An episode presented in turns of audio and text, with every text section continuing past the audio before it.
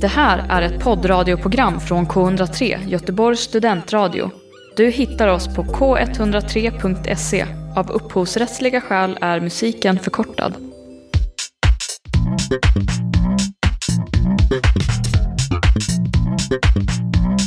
Hej och välkomna till Bokkvartetten, en podd om böcker, läsning och allt däremellan. Jag heter Alexandra och med mig har jag Lisa, Maja och Nora. Idag kommer vi prata om boken Klara och solen av Kazuo Ishiguro. Och jag vet inte om jag uttalar det korrekt. Jag tror inte någon av oss kommer veta det under Nej. hela det här avsnittet. Så vi kommer köra på som, som att det är rätt. Men jag tyckte det lät bra. Ja, ni får rätta oss på DM på Instagram om det är klagomål på det. Ja, men vi rivstartar då med Maja, vad handlar boken om?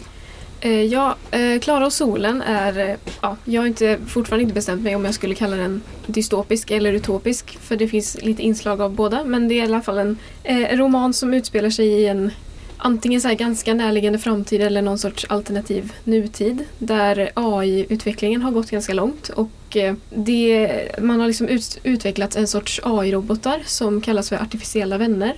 Som det är ganska vanligt att barn har. Eh, eller ja, de familjerna som har råd är väl då som kan köpa en sån här artificiell vän då till eh, sina barn. Och de, ja, de är väl lite som så här assistenter på ett sätt, också vänner till de här barnen. Och eh, huvudpersonen i boken är då Klara som är en sån här artificiell vän. Och man får följa med henne i hennes liv, eller ja, inom citationstecken då eftersom hon är en robot. Men ja, hennes väg från att vara i den här butiken då där man köper sådana artificiella vänner till att hon får flytta in hos en familj som, och vara artificiell vän till ett barn. Vi går raskt vidare till att dra lite vem vi rekommenderar den här boken till. Vi tänker att vi ska prova någonting nytt så, så får vi se hur det blir i slutändan. Men Nora, vem hade du rekommenderat boken till? Ja, eh, jag hade rekommenderat den till vem som helst som gillar att reflektera över ja, men, vår samtid och eh, utvecklingen som sker och vart den kommer ta vägen. Eh, och som också alltså, tycker om ja, men, sånt som har lite inslag av sci-fi som utspelar sig i en framtid som hade kunnat eh, ske Eh, om man typ gillar så här serier som Black Mirror och lite sånt. Alltså så här, bara så här visualisera hur livet hade kunnat vara i en dystopisk framtid. Om man tycker sånt är intressant kommer man nog tycka om den här boken.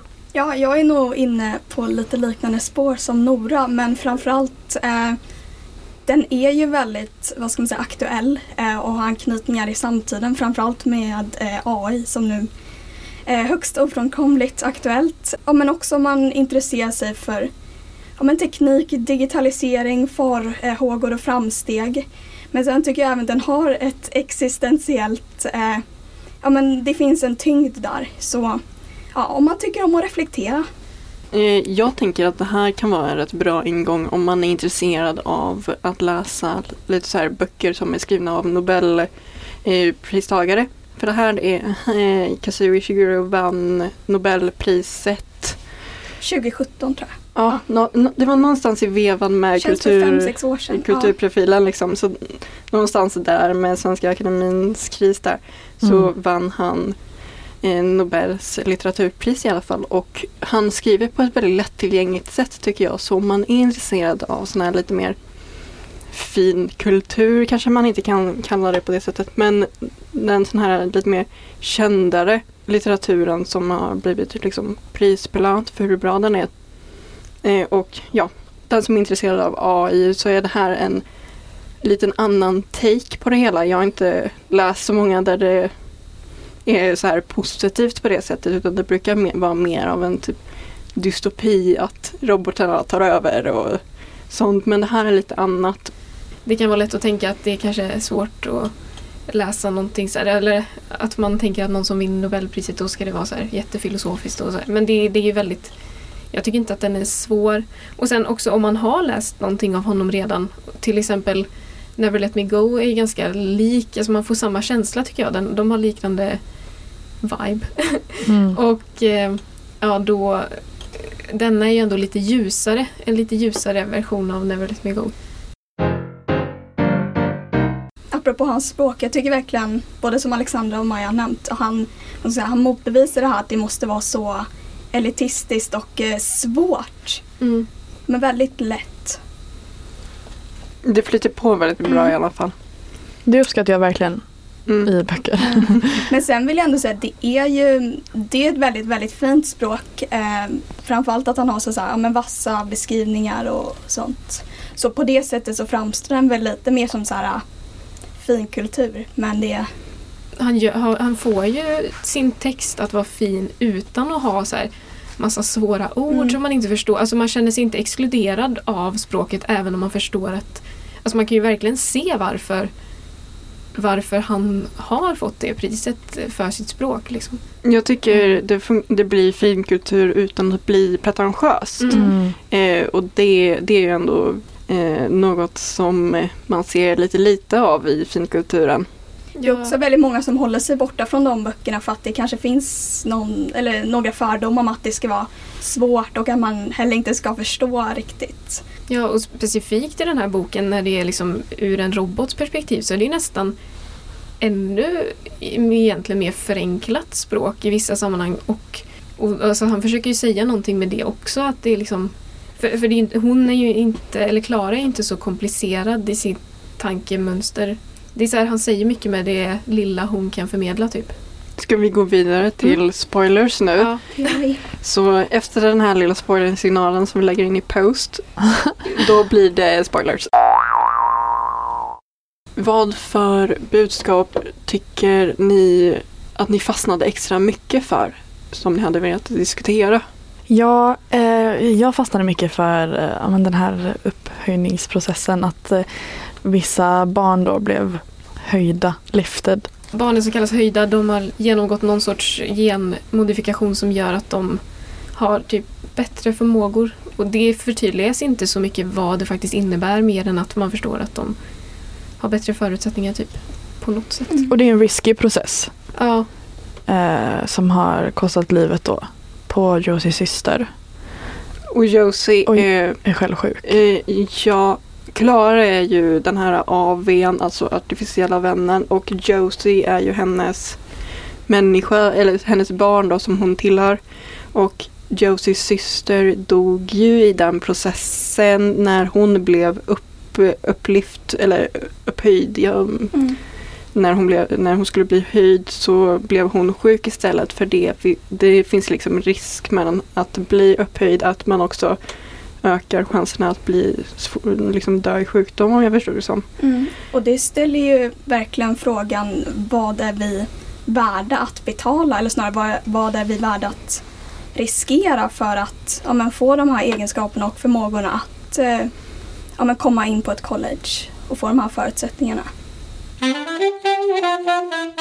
Jag tyckte verkligen att alltså, hela den här konceptet med att vara upplyft, det kändes som typ mycket som en typ ett sätt att eh, kritisera status, den typen av liksom status eh, eh. För i alla fall med Josies mamma så var det ju jättetydligt att även om det var för hennes äldsta dotter har ju ändå dött av den här processen men ändå väljer hon att gå igenom den igen med Hon är Josie. nästan helt så manisk och Ja. ja. Eh, Och hon låter hellre sin dotter riskera döden än att eh, hon helt enkelt inte blir upplyft. Eh, och då typ hellre att hon får den här statusen att ha en upphöjd dotter än att eh, inte eh, än att ha ett o, ohöjt barn. Mm. Mycket sånt. Men då kan man ju nästan se, om hon, när hon gör den värderingsprocessen kan man ju nästan se det på så sätt att ett eh, oupphöjt barn är nästan eh, samma sak som att förlora ett barn för det är döden som är ja, dess motsats i så fall. Ja, det är också konstigt att hon vill hellre ha... Att hon, hon kan riskera att Josie dör för att hon så gärna vill ha ett upphöjt barn. Och då, då kan hon tänk, ta den risken så långt alltså att hon ändå tänker att det är värt det om Josie dör och att hon då behöver använda Klara istället. Och då, så här, det är jättekonstigt tycker jag att hon hon har ju hela tiden i åtanke den risken att Josie kan dö och då tänker hon liksom att det finns en lösning som är att en robot liksom ska ersätta hennes barn. Nu Mm. kanske jag har gått händelserna lite i förväg men jag tänkte alltså Hon har ju Alltså, tänkt ut det. Ja, hon, var hon har tänkt liksom att det finns en risk att mitt barn inte överlever det här men det tänker jag inte, så här, den risken tar vi. Och om, om hon inte överlever då har man liksom en plan B. Att det, det är så, ja, jag vet Ja men det är ju verkligen så hon tänker. För det är ju när, när Josie är sjuk och hon börjar bli sjuk. Det är ju då de skaffar Klara från den här affären. Och de kommer hem liksom och egentligen så att Klara ska få mycket tid att lära känna Josie ifall hon skulle behöva ersätta henne. Det är Mm. jättekonstigt Mm. men mamman har ju ändå en väldigt tydlig, ett tydligt syfte med att skaffa Klara. Mm. Värt att nämna tycker jag även är Rick som är eh, Josies kompis som inte har blivit höjd. Och eh, någonstans så tycker jag att det... Jag menar så här, varför skulle han vara mindre värd än ett höjt barn? Mm. För han och Josie leker ju väldigt bra tillsammans. Så, ja, jag vet inte men Men Ja, är det inte också att han alltså egentligen inte är alltså sämre än Nej dem? men jag menar det går ju bra för han, han är ju, jag uppfattar honom som intelligent i Ja, och med att ja, han exakt. konstruerar vad det nu han gör, de här måsarna, han bygger han- mycket. Han och- bygger ju typ som Ja. versioner av drönare. Mm. Typ, eh, han, han, är- han visar ju ändå väldigt mycket talang inför liksom, ett ingenjörsyrke och sånt. Men även om Rick inte är höjd så är han precis lika, lika duktig och lika smart Mm. som Josie som är höjd. För det är väl på något interaktionsmöte, tror jag. Visst heter Ja. det så? Eh, alla där är höjda va, eller? Ja, det är ju det, eh, så här interaktionsmöte där det är massor med höjda barn eh, och deras föräldrar och så är, kommer Rick dit och de behandlar ju honom som eh, lite som skräp. Men jag tolkar det nästan som att Rick typ finns med som ett sätt för författaren att visa att alltså, det här beteendet som de här föräldrarna håller på med när de ja, upphöjer sina barn eh, alltså egentligen inte gör någon skillnad och att det är mer i deras huvud. Alltså jag, Ja. jag tolkar det som ett, ett sätt att visa det. Och det Mm. blir väldigt intressant också om det nu är så att eh, Ricks mamma och, och Josies mamma har diskuterat hur de, alltså här, hur går samtalen där? Om ett barn liksom höjs och inte det andra.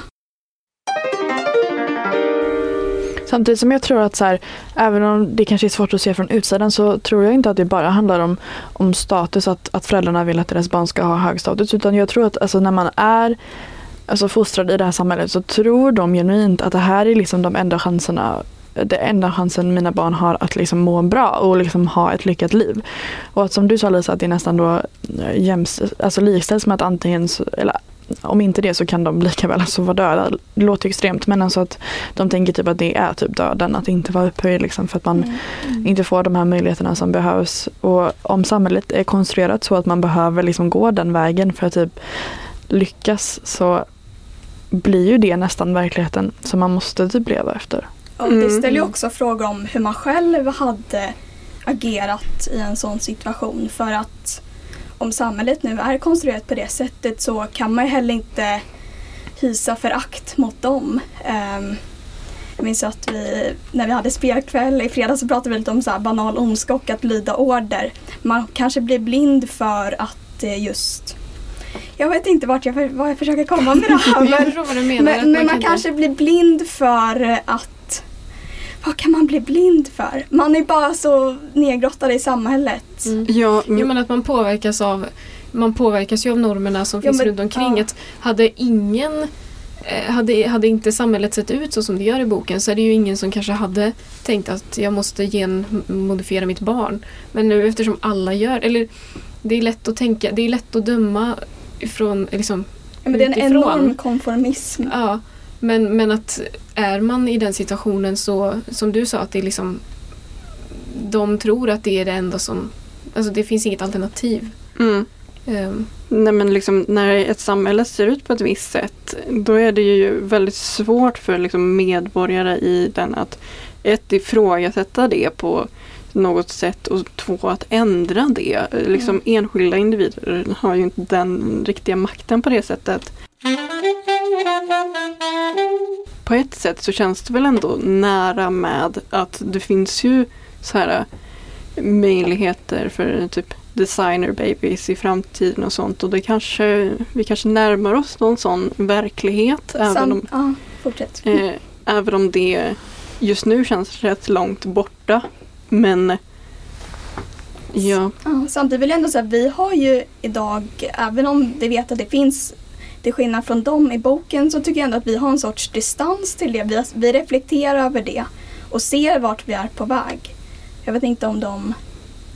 Ja, Men samtidigt om det blir för- för till exempel jag kan tänka mig nu med AI och så här när ChatGDP kom då var det ju någonting som väldigt fort blev eh, så här, en grej i samhället. Och om den här typen av typ eh, genmodifikation helt plötsligt lanseras och blir typ jätte, det är supersäkert och eh, hur hade vi reagerat då egentligen? Det, för jag tror säkert att det hade kunnat bli typ en sociala medier-trend att bli genmodifik- eh, genmodifierad och sådana grejer. Det är svårt att teorisera om något så här innan det har hänt men jag kan ändå se hur i våra samhälle det hade kunnat bli en grej. ja för Ja. vi är väldigt sårbara för förändringar. Man tänker att verkligheten i boken är väldigt långt bort från det vi är nu.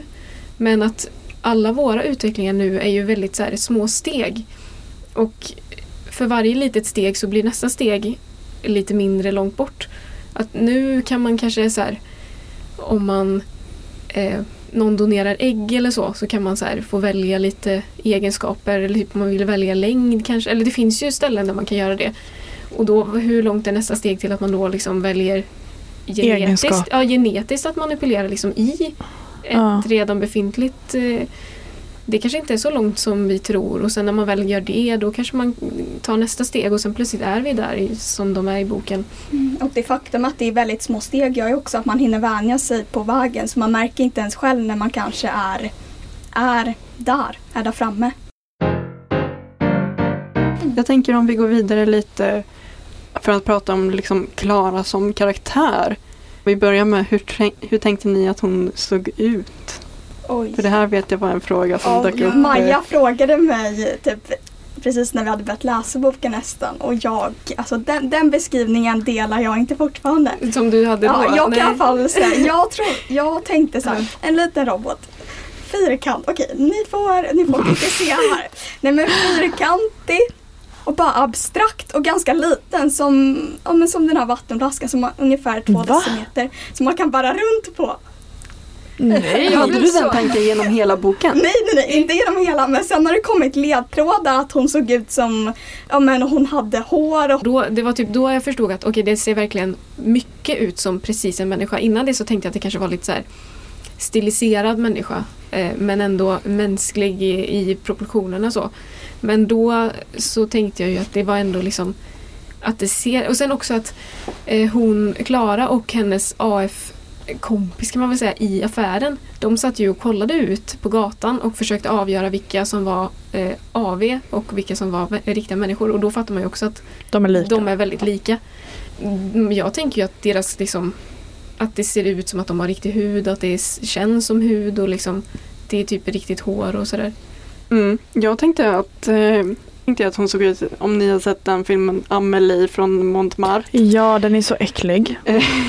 Eh, Så jag tycker bara gillar den är... inte heller den filmen. Nej, it's just obehaglig. Alla är såhär, åh den är en sån saga och jag tycker också den är så här lite I alla fall, jag tänkte att hon såg ut eh, på, som Amelie med det, den frisyren, den här franska pagen och den här jättevita huden och eh, hon, att, fast att hon var lika lång som typ en tolvåring. Eh, Men gud, Amelie, det var en jättebra beskrivning. När du sa det så känns det som att jag verkligen kan se. Jag har typ också tänkt, eller i alla fall den frisyren. mm. Jag Ja. tänkt. Men jag tror att det var när hon blev beskriven som fransk. Alltså det är den här franska pagen är det första man tänker, robotar. Mm. Eh, så är det så här. Det finns ju AI-robotar nu, eller inte AI-robotar, men det finns ju sådana robotar som ska se ut lite som människor. Men jag tänker väl något sånt att det är sån här lite genom, inte genomskinlig, men lite sån här glansig hud och eh, lite så här dö, döda ögon. Lite som Black Mirror-esk. Mm. Mm. Lite som Detroit Become Human för någon som är en spelnörd. Nej, Nej. nej så går det inte. Rätt människor är det här. Nej. Men någon som Ja. lyssnar kanske är spelnörd. Ja. Så, så tänkte jag. Mm. När det gäller Klara, tyckte ni det funkar att ha en robot som eh, point of view? Alltså som eh, liksom, för, för det är ju inte genom Klara man ser hela den här världen. Tyckte ni det funkade i boken? Eh, jag tycker att det var väldigt intressant att läsa ur det perspektivet för att man förstår ju att det är lite som en sån här alltså, opolitlig berättare när det är att den är opolitlig för att intelligensnivån är lite lägre än liksom allmänheten. Man, alltså, hon beskriver ju miner och eh, så här, dialog och sånt utan att allt, alltså hon förstår inte alltid vad det är hon ser. Och då blir det liksom att hon hon berättar exakt det hon ser men man förstår att egentligen så är det någonting annat som har hänt. Eller hon har inte riktigt fatt- fattat vad meningen egentligen har varit i en dialog eller så. Och det tyckte jag var ganska intressant att hon, alltså att läsa ur hennes perspektiv gör ju att vi måste, alltså vi måste typ läsa allting mellan raderna för att eh, förstå. Och det här att hon kan eh, beskriva liksom folks miner och så, så här, ja, jag tror att det var en eh, ledsen min. Och så måste man liksom tolka eh, allting genom hennes tolkning. typ. Och det tyckte jag var ganska intressant. Eh, alltså att ja, man förstår ju inte allting från början då. Nej, alltså jag tycker det ställer lite, lite högre krav på läsaren att just kunna tolka mellan raderna. Men, men jag tyckte absolut att det funkade. Um, och att det liksom gav boken en extra krydda för att det blir någonting som inte är så vanligt. Som när en, en vanlig människa är the narrator. Men skulle ni hålla med mig? För jag tyckte det alltså, i vissa stunder kunde bli lite begränsande att ha Klara som liksom, huvudkaraktär och se allting genom henne när det till exempel det var ju typ vissa eh, situationer och scener som kändes väldigt konstiga på ett sätt för man förstod, man får ingen riktig koppling vad det handlar om. Jag tänker specifikt om den, för det finns en scen när Ricks mamma och Rick pratar med typ en man om att Rick ska gå på college. Just den scenen tyckte jag Klara kändes malplacerad i Mm. att hon, hon bo, det var konstigt att hon var där. Och jag tyckte också att det var det funkade inte riktigt den scenen för det som jag tror författaren ville skulle komma fram gick i alla fall inte för mig fram på något sätt som att jag kunde förstå vad det var, varför den här delen var viktig. Jag håller med dig där, för det kändes lite svåråtkomligt eh, med bara att man var betraktaren och inte var med dem. Däremot så tror jag att det hade funkat om det till exempel var eh, om en Josie och hennes mamma. För de har man ändå fått lära känna en bit och då kan man ju det som Klara beskriver själv mellan raderna lägga in. Men nu eftersom man knappt kände eh, Ricks mamma och deras relation eh, visste man inte hur den var riktigt. Men jag, jag tänker ändå att eller jag tänker att poängen med att ha henne som berättare är liksom att eftersom hon inte är mänsklig så när man läser om alla gånger när hon inte är mänsklig och man förstår att liksom här, så här reagerar hon, eller ja, reagerar för att hon inte är mänsklig så typ pekar det på så här, hur fint det är att vi kan förstå varandra. Det var någon gång som hon så här eh, Rick var inne hos Josie och så tyckte jag så hade ju deras eh, hushållerska sagt till Klara att hon inte skulle gå därifrån för så här, hon skulle typ hålla lite uppsikt över dem. Och så stod det att ja, men ibland så kollade Rick på mig med ja, på engelska då Go away eyes. Och det tyckte jag var så gulligt så här att hon har liksom hon har lärt sig vad vissa miner och så betyder fast hon hon har liksom bara lärt sig det medan för oss är det ju självklart. Vi behöver inte tänka när någon ger oss en min, liksom, åh vad betyder den minen? Okej den betyder nog det här, därför så gör jag så här. Utan det bara så här sitter i oss. Och det är egentligen ganska häftigt att det är så. Mm. Och med det så kan det också vara så, i alla fall när Klara beskriver någonting och sen kommer hon och ja, men, eh, påpekar hur, man, hur någon rör sig eller min. Då blir det lite som att så här, är det Klaras nervositet eller att hon inte riktigt vet vad hon ska göra i situationen så hon bara be, betraktar den. Ja, Ja, jag tyckte bara det är fint att så här, det pekar på hur det behövs en eh, så här, emotionell intelligens mm, också. Även om hon fattar saker logiskt. Sen tror jag personligen, för jag kände inte att jag liksom, alltså kände mycket för Nej men gud, nu tappade jag helt. Mm, Klara. Klara. Klara. Ehm, och um, det tror jag nog var för att hon var en robot. Eh, och just inte liksom ja, men, kunde känna så mycket. Eh, jag vet inte, jag tror att jag för att jag ska liksom kunna connecta mycket till en protagonist eh, ändå vill jag veta mycket om eh, den personens känsloliv och känna att jag relaterar till den. Så det var ändå någonting som kanske alltså, satte lite käppar i hjulet för mig där. Även, alltså, fast att jag också tyckte att, då att det var intressant att det var gjort på det sättet för att det var lite unikt. Um, så var det inte bara guld och gröna skogar. Mm. Nej men jag kan hålla med dig. Men jag tycker det är, ju, det är väldigt intressant att du tar upp det. För det framkommer ju också i boken att vissa människor behandlar Klara som en människa medan andra liksom ändå behandlar henne som ett objekt och hur olika hon blir bemött. Jag tänker till exempel det fanns eh, som till exempel hushållerskan är ju verkligen bara robot gör så här och jag tror hon blir titulerad som robot ett antal gånger liksom, eller AV tror jag. AV Mm. vakta Josie, stå här, gör så här. Eh, medans mamman typ på ett sätt behandlar henne som att hon hade varit typ ett riktigt barn eller som en vuxen. Hennes dotter nästan Ja. ibland. Eh, det finns liksom stunder där hon pratar med, eh, med Klara som att hon är Josie. Typ. Och att, eh, eftersom att, att det är tänkt att Klara ska ta Josies plats ifall det händer något.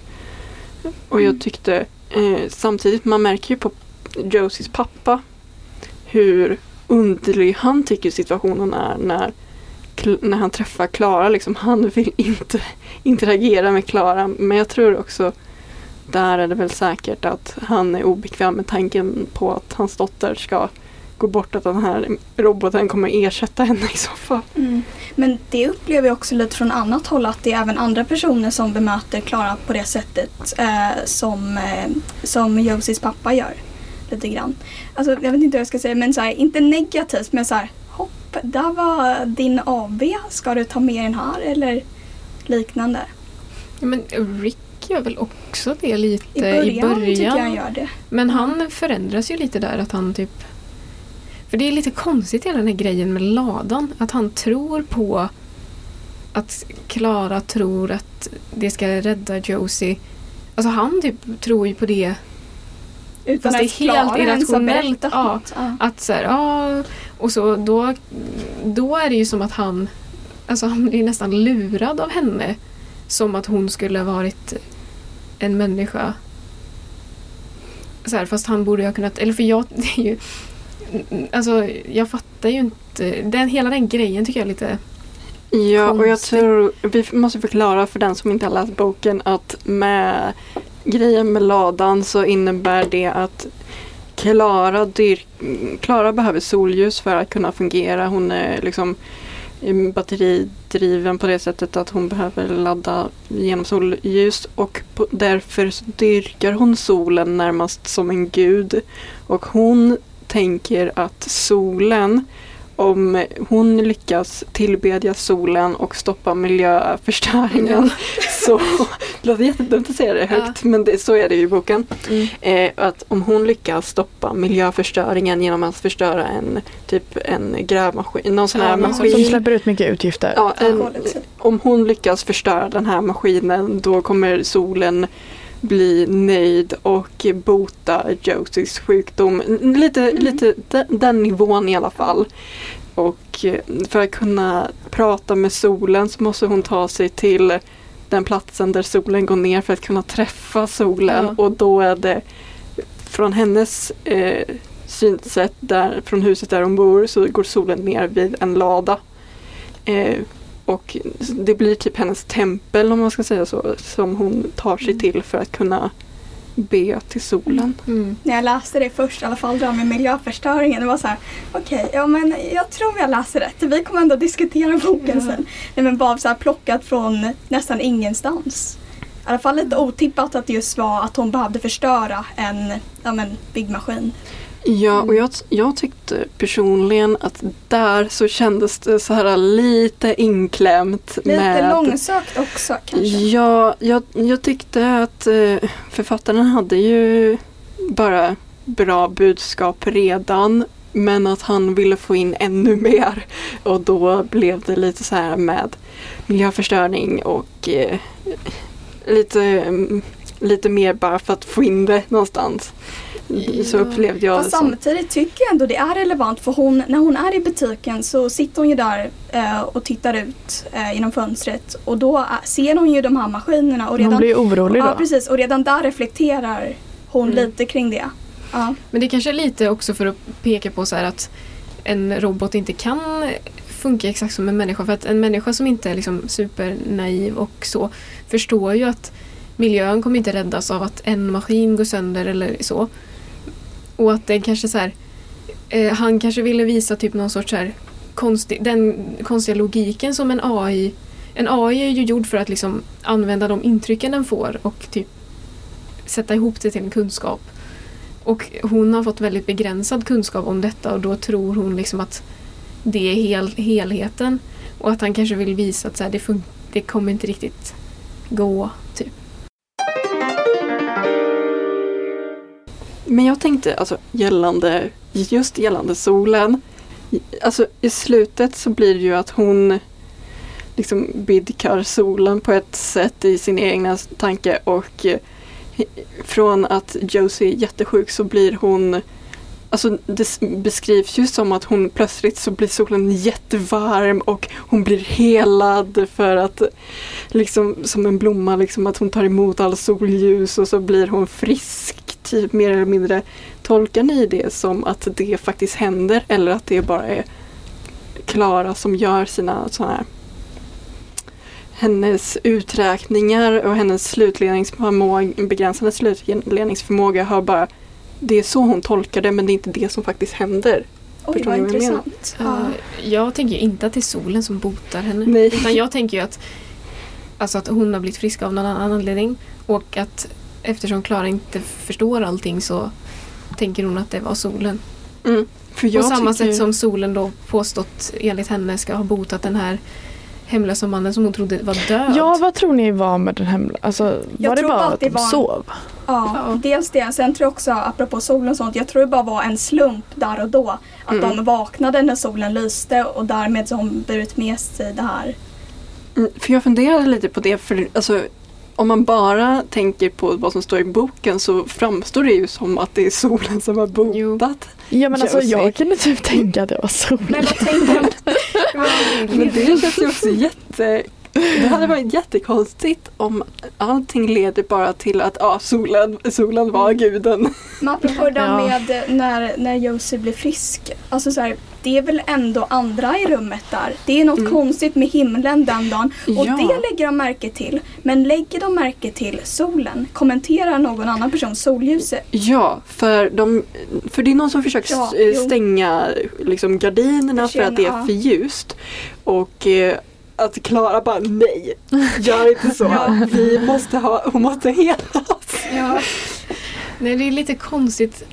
Det, den har ganska många så här inslag som jag tyckte att boken alltså för det mesta var väldigt bra liksom men den hade många sådana här konstiga inslag som gjorde att det kändes inte helt bra. Liksom. Samtidigt, samtidigt eftersom Klara bedrivs av solen eh, så kanske hon också tänker att en annan person får näring av solen. Så det är inte helt... Jag tycker att det makar sense att hon eh, resonerar så. Ja, jo, men, Ja. Det är det. men det var det, det jag menade innan med att hon eftersom hon är eh, hon, använder, alltså hon har så begränsad kunskap så Mm. drar hon falsk logik typ. Och att det är så här det är också för att hon inte är människa. Om man har sett en sak hända en gång, ja men då är det allmän, allmängiltigt Ja. från Mm. början. Men jag tänkte just alltså, specifikt fram till just det i slutet när Josie blir frisk kan man ju ändå se bara, ja men det är ju Klaras slutledningsförmåga eftersom att hon är en AV och hon har en väldigt begränsad syn på världen. Men just i slutet när det är att Josie blir frisk så tycker jag det, det är så himla konstigt skriven för folk, andra i samma rum reagerar på typ bara så, nu, nu helas hon, nu blir hon frisk. Halleluja typ. Mm. och det, kändes så så konstigt. Det kändes helt mm. liksom, absurt att allting ledde till att typ, solen helade Josie. Mm. Eh, och att Klara hade rätt hela tiden. Vad är det egentligen som författaren vill ha sagt här? Mm. Ja, jag undrar det. Men det är ganska mycket jag tycker så här i slutet av boken som faller lite, där budskapet faller lite. Eller, eller vad, vad, vad, ty, vad, ty, vad tycker ni om att Josie blev frisk? Alltså jag vet inte om jag känner jättestarkt kring just det men jag skulle säga bara att jag tror att um, alltså typ, kanske att det fanns en tanke med det här med solen att, att man som läsare att det skulle vara lite oklart. Alltså kanske var det solen som hjälpte. Alltså att man skulle tänka den tanken typ för att så här, för det är intressant att det känns som att eh, Klara eh, har mer faith och liksom mer hopp och tro än vad människorna har och hon är en robot. Och alltså att det kanske var någon tanke där bakom. Eh, att jag vet inte, att eh, författaren i fråga liksom vill inspirera till att man ska ha hopp. Ha hopp. Mm. Och, och, att det liksom är, att det ändå det så var det liksom en maskin som hade mer hopp för att människorna typ kanske tappat hoppet i framtiden eller så. Alltså, Även om han vill förmedla hopp så tycker jag det, det blir lite så när han konstruerar en värld av AI och ja, men, teknik och, eh, och även digitalisering och sen komma med det här hoppet, det blir lite det känns lite krystat. Men jag vet att du håller med mig Alexandra om att du tycker också att boken slutade lite för bra. Eh, ja, det tycker jag. Jag tycker, alltså det låter ju jättehemskt att säga Men alltså, alltså hela boken bygger ju upp till att Josie egentligen ska dö. Det, det är ju så. Ja, Den det är premissen, man accepterar det. Ja, man, fr från första stund så tänker man liksom, ja, hon kommer tyvärr att dö. Mm. Och det kommer vara hemskt men det kommer utforska liksom mammans psyke och eh, hur hon ställer sig till Klara. Och sedan kommer man till det slutet så är det typ 30 sidor kvar och man bara Josie lever fortfarande. Vad, hur ska det här gå? Och sedan Josie lever fortfarande. Oj, hon är frisk. Ja. Eh, Okej. Okay. Ja, för man trodde ju att boken, eller jag förväntade mig länge att det skulle vara så att Josie dör och sen så ska Klara då ersätta henne och så kommer hela bokens syfte vara att visa hur liksom katastrofalt det blir när man ska försöka ersätta mänsklighet med teknik på det sättet som mamman då ville att Klara skulle ersätta Josie och att det skulle bli liksom inte bra. Och att man då skulle få lite så här okej okay, vi kanske ska vara lite försiktiga med AI och allt det där. Men nu blev det ju liksom som att allting blev jättebra och ingenting av det som det byggdes upp till hände. Och sen så sitter hon på en soptipp och typ fejdar ut. Ja, det kändes verkligen som att det blev det kändes som ett för glatt slut för den här typen av existentiell bok.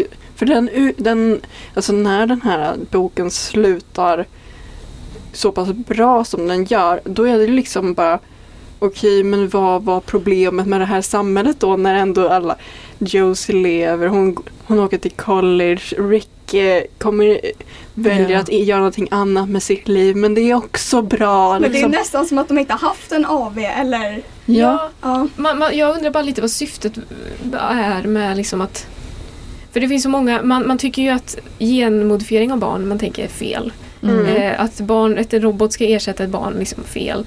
Eh, hela det här hierarkiska systemet liksom, tänker man fel. Och så bara inget av de här dåliga konsekvenserna kommer och då blir det som att The moral of the story ja. is lost. Man saknar något efter. Bara, vad hände efter om, nu, om nu Josie hade dött? Men även om hon hade blivit frisk och levt, kanske lite mer reflektioner från mammans håll. Um, mm. Ja, för Eller... man, man får ju, alltså slutet är ju bara Ja, de levde lyckliga alla sina dagar typ. Den, den nivån och då har man ändå tagit sig igenom den hela den här boken med ett tydligt budskap och så kommer man till det och sen får man inte den payoffen som man egentligen förtjänar eller Mm. förväntar sig i alla fall. Och man får någonting som är helt annan, annan ton och då blir det liksom att man bara Okej, Ja. men hur tänkte du nu? Jag håller verkligen med dig där för det beskrivs ju också väldigt eh, länge ett tag hur, hur Josie blir allt mer eh, sjuk och eh, sämre.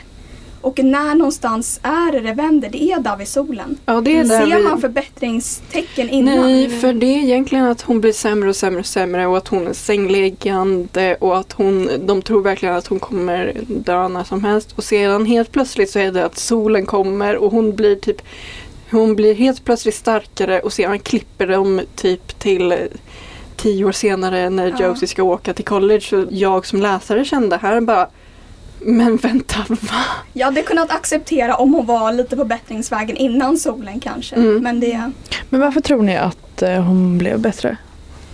Alltså baserat på boken Så är det ju så, så. så är det ju. Ja. Men på det här sättet är det begränsat att ha Klara som eh, synsätt eftersom att vi får inte reda på varför Josie blev frisk. Vi ser inga tecken på att hon blir bättre och helt plötsligt så är hon frisk. Och det, det, blir jättekonstigt. Men jag vi, tror också att det var liksom någon mening med att man skulle liksom bara se det från Klaras perspektiv och nästan ha den här liksom naiva Alltså nästan känna samma naiva tro som Klara känner att så här, Mm. solen kan rädda det här att ja, han ville gestalta det liksom Men att det var den jag, naiviteten. jag kan ändå tycka att det blir mer av en typ Deus ex machina här. Att bara, Wait what? Det, det är en filmterm.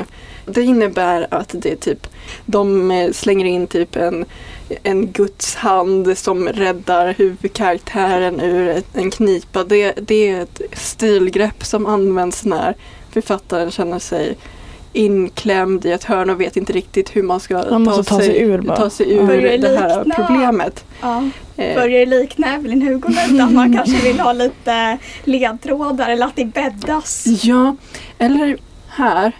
Det är ju inte rimligt att Klara riktigt förstår varför Josie blir frisk. Men då känns det ju ändå som att någon hade kunnat säga det. För så har det varit i hela boken. När Klara inte fattar någonting så kommer det ju någon som bara Ja, så här är det med det här typ för att leda storyn vidare. Mm. Men här får vi ingen förklaring alls och det sedan bara klipper tio år senare och då lämnar man, lämnas man liksom bara Jaha, vad, vad var poängen? Jag har fastnat lite på det att, eller att eh, Ishiguro har uttalat sig om detta då att han, för man, eh, eh, stilen och hela liksom den här känslan i början med det dystopiska är ju ganska lik Never Let Me Go. Och han har ju själv kallat boken för en eh, optimistisk, optimistisk tvilling till Never Let Me Go. Och jag, och då skrev han liksom att han ville inte skriva, eller han ville skriva något som slutar i typ en framtidstro och att framtiden behöver inte vara så mörk som man tror att vi tror att framtiden är så dålig och så. Men, men jag tycker ändå att det är, så här, det är fel bok att Ja. ta Det till också, det ja. temat. Alltså, då kan han väl ta en annan bok och göra liksom optimistisk. För Mm. det här är inte liksom så... Jag tycker inte att det är rätt, ja, jag tycker inte det är rätt bok för det liksom. Nej, inte när han Mm. ändå har byggt upp det he- genom hela liksom som att det här kommer sluta dåligt. Det, det är liksom någonting man som läsare köper från första stund. Liksom, Ja, att och det man är här... inte besviken på Nej. det. Man vill ju att han ska undersöka vad som händer om det här dåliga händer. Liksom man vill inte, Det är Mm. inte så att man sitter och bara åh nej, hoppas inte. Utan man har bara gått med på att det här Ja. är en mörk historia som kommer att sluta ännu mörkare. Typ. Men det som jag tycker är, men jag håller med att det här var i så fall fel bok att göra det med kanske för att då känns det nästan som att det lämnar budskapet att eh, hela den här lyftningsprocessen och allt var värt det liksom. Mm. Och det har jag svårt att acceptera, bara lämna det alltså så. det, när, den, när den slutar på ett gott sätt, det förstör lite budskapen som har kommit genom bokens gång som den har utforskat. Utan då blir det typ att ja, det spelar inte så stor roll för det slutar lyckligt för alla karaktärer och eh, de eh, lever lyckliga sina dagar. Mm. Och även om Rick inte är upplyft så får han ett gott liv och Josie hon går, åker till college utan problem och hon lever lyckligt. Mm. Och, Ja. Det är som att alla andra företeelser förlorar lite i allvar eller mm. som att man inte verkligen. ser det på. För när man läser boken i början så går man in med så här väldigt allvarligt fokus och så okej men det här är det som ska hända. Eh, och sen tyckte jag att slutet generellt var lite, lite kast när den, utöver det vi redan har pratat om, Ja. att den Alltså jag hatar den, de- den här typen av stilgrepp som författare Ja. använder när den helt plötsligt slut på ett ställe och sen tio år senare Mm. så bara man Och det bidrar inte med Nej, någonting. det bidrar Hon ingenting. träffar föreståndarinnan, eller vad man Ja. säger, föreståndaren eh, från butiken hon en gång var i. Alltså i början av boken då. Mm. Eh, och det är bara så klyschiga reflektioner på något sätt. Ja, det blir, det blir verkligen bara jag trodde det var bättre än så här när jag kom till den delen. Att eh, jag tänkte att boken skulle vara bättre än att ta till med det här jätteöveranvända.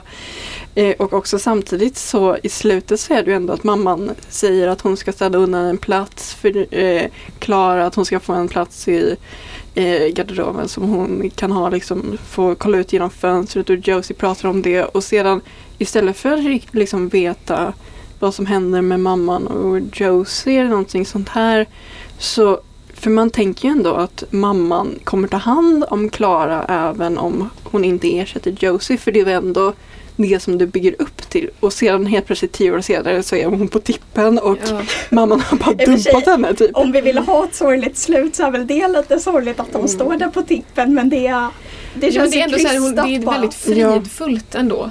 Det är, så, Ja, det är för att de sant. pratar ju om att eh, hon ska ha sin slow fade Mm. kallas det i, Mm. på engelska. Och då var det som att typ en, en AV är gjord för att typ vara i x antal år och sen så, så, ska den typ Sen så ska den typ Ja. liksom bara bli sämre. Och att det är naturligt, det är typ deras naturliga död eller så. Mm. Och, och då är det som att det är lyckligt för en AV som får nå det slutet på ett fridfullt sätt. Men då Förutom att hon jag- bodde typ i en skrubb de sista åren också. Så. Men då tycker jag att det hade varit, liksom visat det bättre genom att om familjen behöll Klara och att hon verkligen fick vara med och så det sista hon får uppleva är familjen tillsammans när hon stänger sina ögon eller någonting sånt. För att få det, för nu är det ju bara att hon, de föreståndarinnan som inte har Ja. varit med sen i början går förbi helt plötsligt och bara ger expositionen från början vad som hände det med var de min andra. favorit av er. och- nej. Ja, och det var verkligen bara Ja, mm, okej, jag ser vad du Jag ser vad du menar. Men det kanske var men- ett sätt att visa typ att när eh, Klara inte hade ett syfte längre Mm. så var hon inte liksom värd något. Men det, det är ändå orimligt baserat på hur liksom, mamman har agerat innan. Baserat från vad vi vet om mamman och karaktärerna. Jag, jag förstår ju ändå hur du menar här. Men jag tänker ändå att vi får kritisera när det känns orimligt. Jo, jo. Och jag tycker att i det här fallet att helt plötsligt klippa till tio år senare att hon är på tippen. Det hade varit mycket mer rimligt om hon var fortfarande i den skrubben för det känns verkligen som att mamman var ju ändå fäst vid Klara. Mm. Och att då inte bara att man redan är lite besviken från hur storyn har gått till att helt plötsligt så är hon inte ens kvar i hemmet och hon har blivit bortslängd och man får inte ens f- ö, veta den typ konversationen eller hur mamman tar Klara till tippen eller någonting. Man får ingenting utan helt plötsligt bara hon är där. Mm. Och det är ju ändå på ett Det är ju som att typ stjäla eh, eh, läsarens, läsarens upplevelse att vi inte får uppleva det. Nej, och det är bara som bara, jag vill få, få det överstökat nu. Ja, kanske mer ett abrupt slut hade önskats. Mm. Och då gärna att hon är kvar där med mamman. Det är så synd att den tappar i kvalitet vill jag påstå i slutet. Ja, för kvaliteten fram tills är väldigt hög tycker jag. Ja, jag tyckte ändå den var Trovärdig Ja jag gillade, jag, jag köpte, jag liksom köpte konceptet. Och även om det inte var min personliga favorit eh, av hans böcker så ändå jag gillade upplevelsen och det han diskuterade.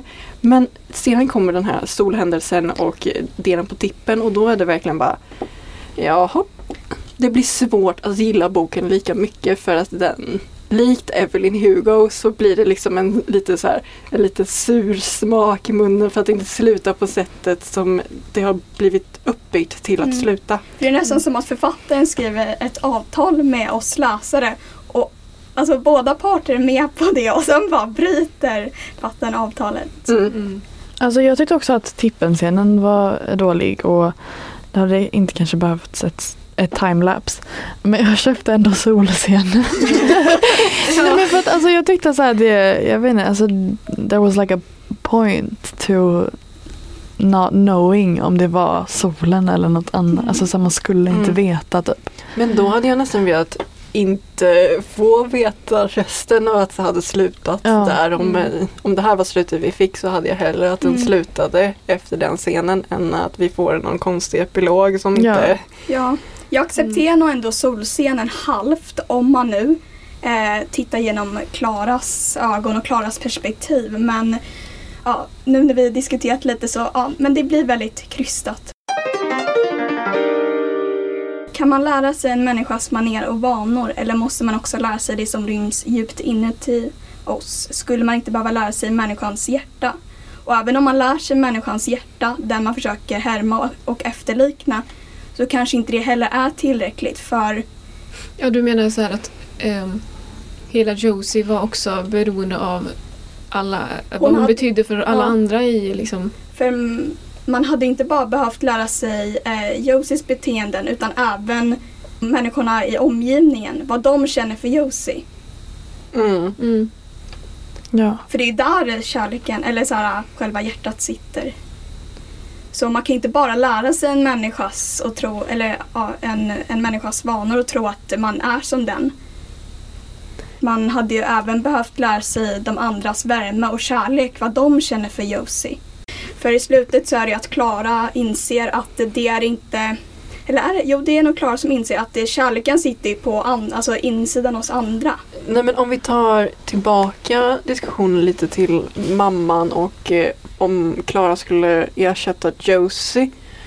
Jag tror lite att eh, hon, mamman till en början hade kanske verkligen, verkligen försökt. Men att det i slutändan så hade hon insett att uh, den här uh, maskinen, även om hon ser ut som Josie och pratar som Josie och eh, egentligen har mer eller mindre samma tankar som Josie. Det, det är inte hennes dotter och det finns så fort Klara gör någonting litet eller gör typ kollar på ett sätt som Josie inte hade gjort eller bara gjort en liten rörelse som Josie kanske inte hade gjort. Så fort eh, det hade ju förstört den suspense of disbelief eller de- den, liksom, den illusionen som mamman bygger upp att eh, det är Josie. Jag tror inte det i...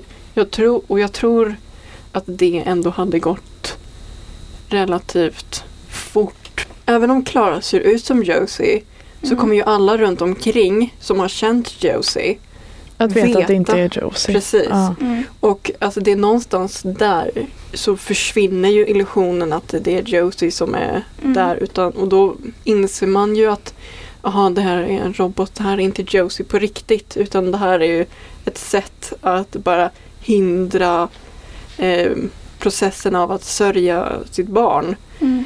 Eh, vilket är väldigt, väldigt sorgligt.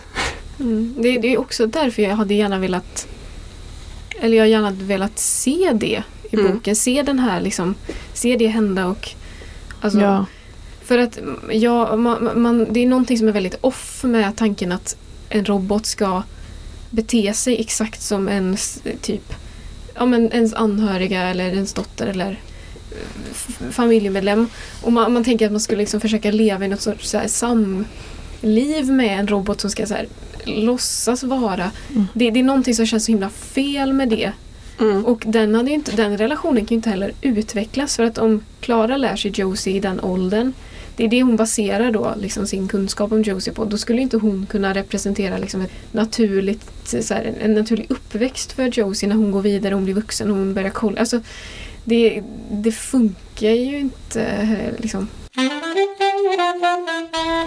Ja, alltså jag Mm. tänker att oavsett om man hade lärt sig det också så eh, hade det inte gått. Och det tror jag främst är för det du påpekade Maja att hon hade ju lärt sig hur Josie är just där och då men inte kunnat följa med en utveckling som alltså inte har, hon hade inte kunnat utvecklas på ett sätt som hade varit ett autentiskt sätt för Josie att utvecklas på utan det hade bara varit konstruerat men det känns som att livet eller så här, ett människoliv är typ mer det är inte så analytiskt.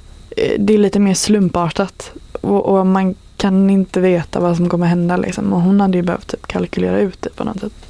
Mm. Som en robot. Då tänker jag att det blir inte samma sak. Jag tror inte att det skulle gå för Klara beskriver också i slutet att det var något som var utom räckhåll för henne.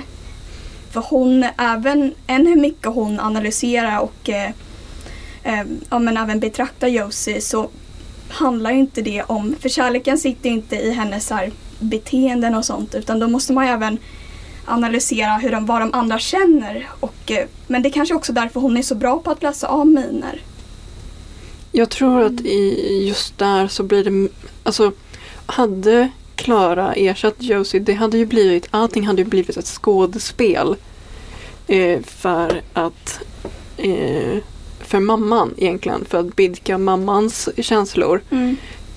Det hade ju blivit, för, för ingenting som händer i det scenariot är ju egentligen på riktigt. Josie är ju inte där. Hon, eh, och mamman har egentligen inget barn kvar och eh, den flickan som de kände är ju borta utan det här är ju Klaras tolkning av Josie som kvarstår. Eh, och allting sånt det blir ju som ett sjukt skådespel eh, som bara utspelar sig istället för på en scen i deras liv i så fall. Att de måste låtsas att det är Josie samtidigt som den riktiga Josie inte finns men de kan inte visa det framför mamman för det hade ju krossat henne på ett sätt. Så det hade ju... Men det är samtidigt svårt att veta efter, och säga att det här är det som hade hänt för författaren själv har ju inte gått den Nej. vägen. Nej. Så det är ju bara min tanke om Ja. hur det hade Mm. blivit ifall då författaren gått den Ja. vägen Men det, istället. lite, det du sa att det hade varit kul att se det hända och så se en person som inte vet att det är, är Klara. Mm. Och hur han, är- då tänkte jag så här, ett alternativt slut som ändå är typ samma slut hade varit att Klara hade blivit Josie då, eller blivit. Eh, och sen så hade hon träffat eh, föreståndaren. Och föreståndaren hade känt igen att det var Klara. Bara shit, det är Klara. Så här. Och eh, då, så hade det blivit så här. Att Mm. Och det hade ju det hade ändå... varit en connection mellan Ja, dem Mm. på något sätt. Jag vet inte, det var ju bara... Ja. Eller Om man, vill, om man vill få in föreståndaren i slutet. För det kan ju alltid sluta med att Klara hamnar på tippen. Det känns ju ändå rimligt att om eh, Klara blir Josie eh, att eh, mamman sedan till slut accepterar att hennes dotter faktiskt har gått bort och att he- hon helt enkelt gör sig av med Klara och lämnar henne på tippen. Det var det jag trodde skulle hända. Mm. Eh, och att hon som liksom med Josies utseende träffar föreståndaren och pratar med föreståndaren och att hon ser att men vad är det här? Det här är ju Klara men hon ser inte ut som Klara. mm. Det hade kunnat det hade varit bli mycket häftigare i slutet. Ja, det hade kunnat Ja. bli liksom en full cirkel Ja. bara för att koppla Ja. tillbaka till allt. Ja. Mm. Men också tillbaka till det här med människovärdet och sånt. Om man nu eh, kan eh, vi säger om någon utomstående hade sett att ah, men det där är Josie och tror att det är Josie på riktigt fastän det är Klara. Vad gör det med liksom människan och kärleken där och även människovärdet Mm. i sig? Alltså jag kanske är lite alltså, spirituell där men jag tänker ju att människan har en själ. Och jag tänker att det därför inte går att bli någon annan. Mm. Alltså man hade kunnat förvilla någon som Alltså Man hade kanske kunnat förvilla några för, för eh, som, som inte hade vetat då att Josie hade dött. Absolut. Men det hade ju inte varit samma person. På tippen där. när eh, föreståndaren kommer och eh, ja. Eh, tänker ni att så här, AV-marknaden har typ dött ut? Att folk inte köper AV längre? Att det liksom inte är en grej? Eller tänker ni att det är bara hennes butik som har fått stänga ner? Jag tror, alltså Mm. För jag tänkte att det var, det var ju ändå så här en liten personlig butik. Det var ju inte som en del av en större kedja som jag uppfattade det- som. Och de generellt, alltså som det ser ut idag, har just generellt större risk att gå i konkurs och sådana Mm. grejer. Och jag tänkte att det, om hon, hon sålde ju väldigt många så här, lite mer utgångna modeller och hon hade inte de, eller jag vet inte vad föreståndaren hon Eh, eh, hon sålde ju inte de nyaste modellerna Mm. alltid och hon hade väldigt få AVR så jag hade jag tänkte ändå som att det var just hennes butik. Jag tänker också att det, ha, alltså det hade tekniskt sett kunnat vara att liksom AWna bara slutade vara typ trendiga, Ja, trendiga och att det hade Mm. varit ett sätt att visa att typ så här oavsett ifall man tog hem en AW och accepterade den och liksom försökte låtsas som att det var en familjemedlem at the end of the day när typ the high wears off och det inte är en trend på samma sätt så finns inte den kärleken kvar för att den är inte ovillkorlig på samma sätt som den är till människa och, och att det på något sätt visar att en robot aldrig kan bli en människa. Men om man nu Mm. tänker så att det har blivit mindre trendigt då tycker jag i sådana fall tycker inte jag att om man nu accepterar den tanken så har inte författaren visat det tillräckligt bra i så fall. I sådana fall hade man väl önskat att familjen hade varit lite, ja men dels snabbare men även ja, men inte brytt sig om Klara för jag tycker ändå mamman bryr sig om Klara väldigt nära in på slutet. Ja, du har lyssnat på vårt bokavsnitt om Klara och solen av Kazuo Ishiguro. Om nästa bokavsnitt där vi läser en specifik bok kommer handla om det, eh, detaljerna av Ia Genberg som har vunnit Augustpriset 2022. Så eh, ja, nästa avsnitt kommer om två veckor och är ett mer lättsamt avsnitt. Så vi hörs då. Bye bye!